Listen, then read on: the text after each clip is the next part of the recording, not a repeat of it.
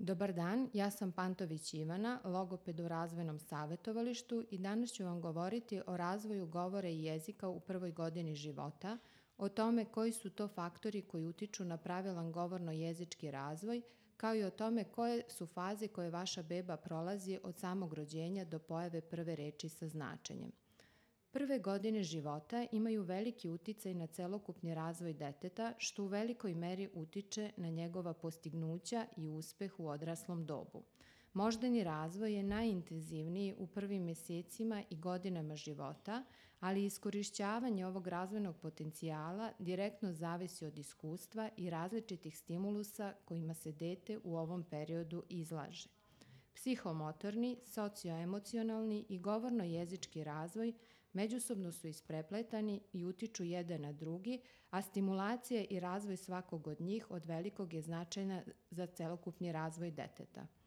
Razvoj govora i jezika je jedan veoma složen i osetljiv proces koji se odvija pod uticajem mnogobrojnih faktora, anatomskih, fizioloških, kognitivnih, ali pre svega socijalnih, jer je razvoj govora i jezika moguć isključivo u ljudskom okruženju i odvija se kroz komunikaciju.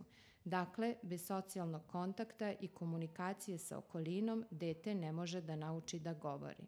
Zato porodica, kao primarna socijalna sredina, ima najveću ulogu u procesu razvoja govora svog deteta. Razvoj govora počinje od samog rođenja deteta. Bebi se treba obraćati od najranijeg uzrasta.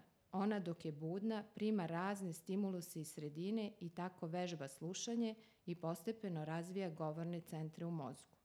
To je u stvari faza akumuliranja govornih podsticaja iz sredine i ona traje od rođenja do pojave prvih reči sa značenjem.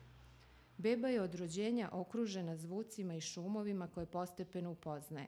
Onda kada počne da izdvaja govor od ostalih šumova i shvata da reči imaju izvesnu sadržinu i značenje, događa se akustička percepcija govora.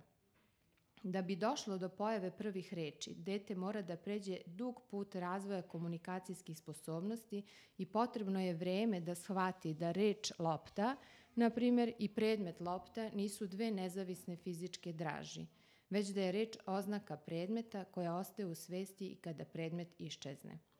Razvoj govora i jezika kod dece podrazumeva sposobnost da se govor spontano proizvodi, to je ekspresivni govor, i sposobnost da se razume govor drugih ljudi, to je impresivni govor. Da bi se ekspresivni govor razvio, neophodan je impresivni govor, to jest razumevanje govora. Onda, kada dete razume govor, stvorena je osnova da to što razume može aktivno da upotrebi u svom govoru – Utvrđeno je da sposobnost razumevanja najmanje mesec dana prednjači u odnosu na produkciju prvih osmišljenih reči. Taj odnos razumevanja i verbalne produkcije zadržava se tokom celog perioda razvoja jezika, samo naravno ne u istom obimu.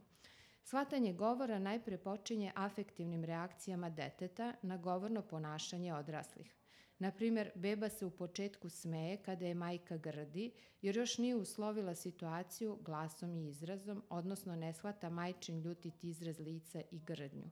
Kasnije, iako ne razume sadržaj izgovorenog, beba počinje da razume formu onog što je izgovoreno, to jest razume modulaciju glasa i način na koji se neko obratio.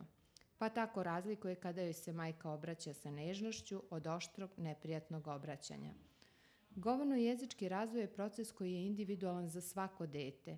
Razvoj govora i jezika se razvija od deteta od det, se razlikuje od deteta do deteta jer svako dete je različito i ima različite nivoje potreba.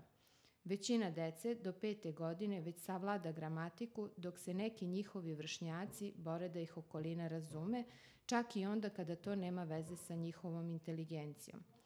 Dakle, jezik zavisi od različitih struktura i sistema u mozgu, a problemi u bilo kom od ovih sistema mogu da dovedu do problema u govorno-jezičkom razvoju. Fiziološku osnovu za razvoj govora čine razvijenost opšte motorike tele i govornih organa, zatim razvijenost auditivne i vizualne percepcije, sposobnost koncentracije, pažnje, pamćenja, inteligencije – zatim sposobnost reagovanja telesnim pokretima, reagovanje osnovnim glasom i imitativnim govornim pokušajima.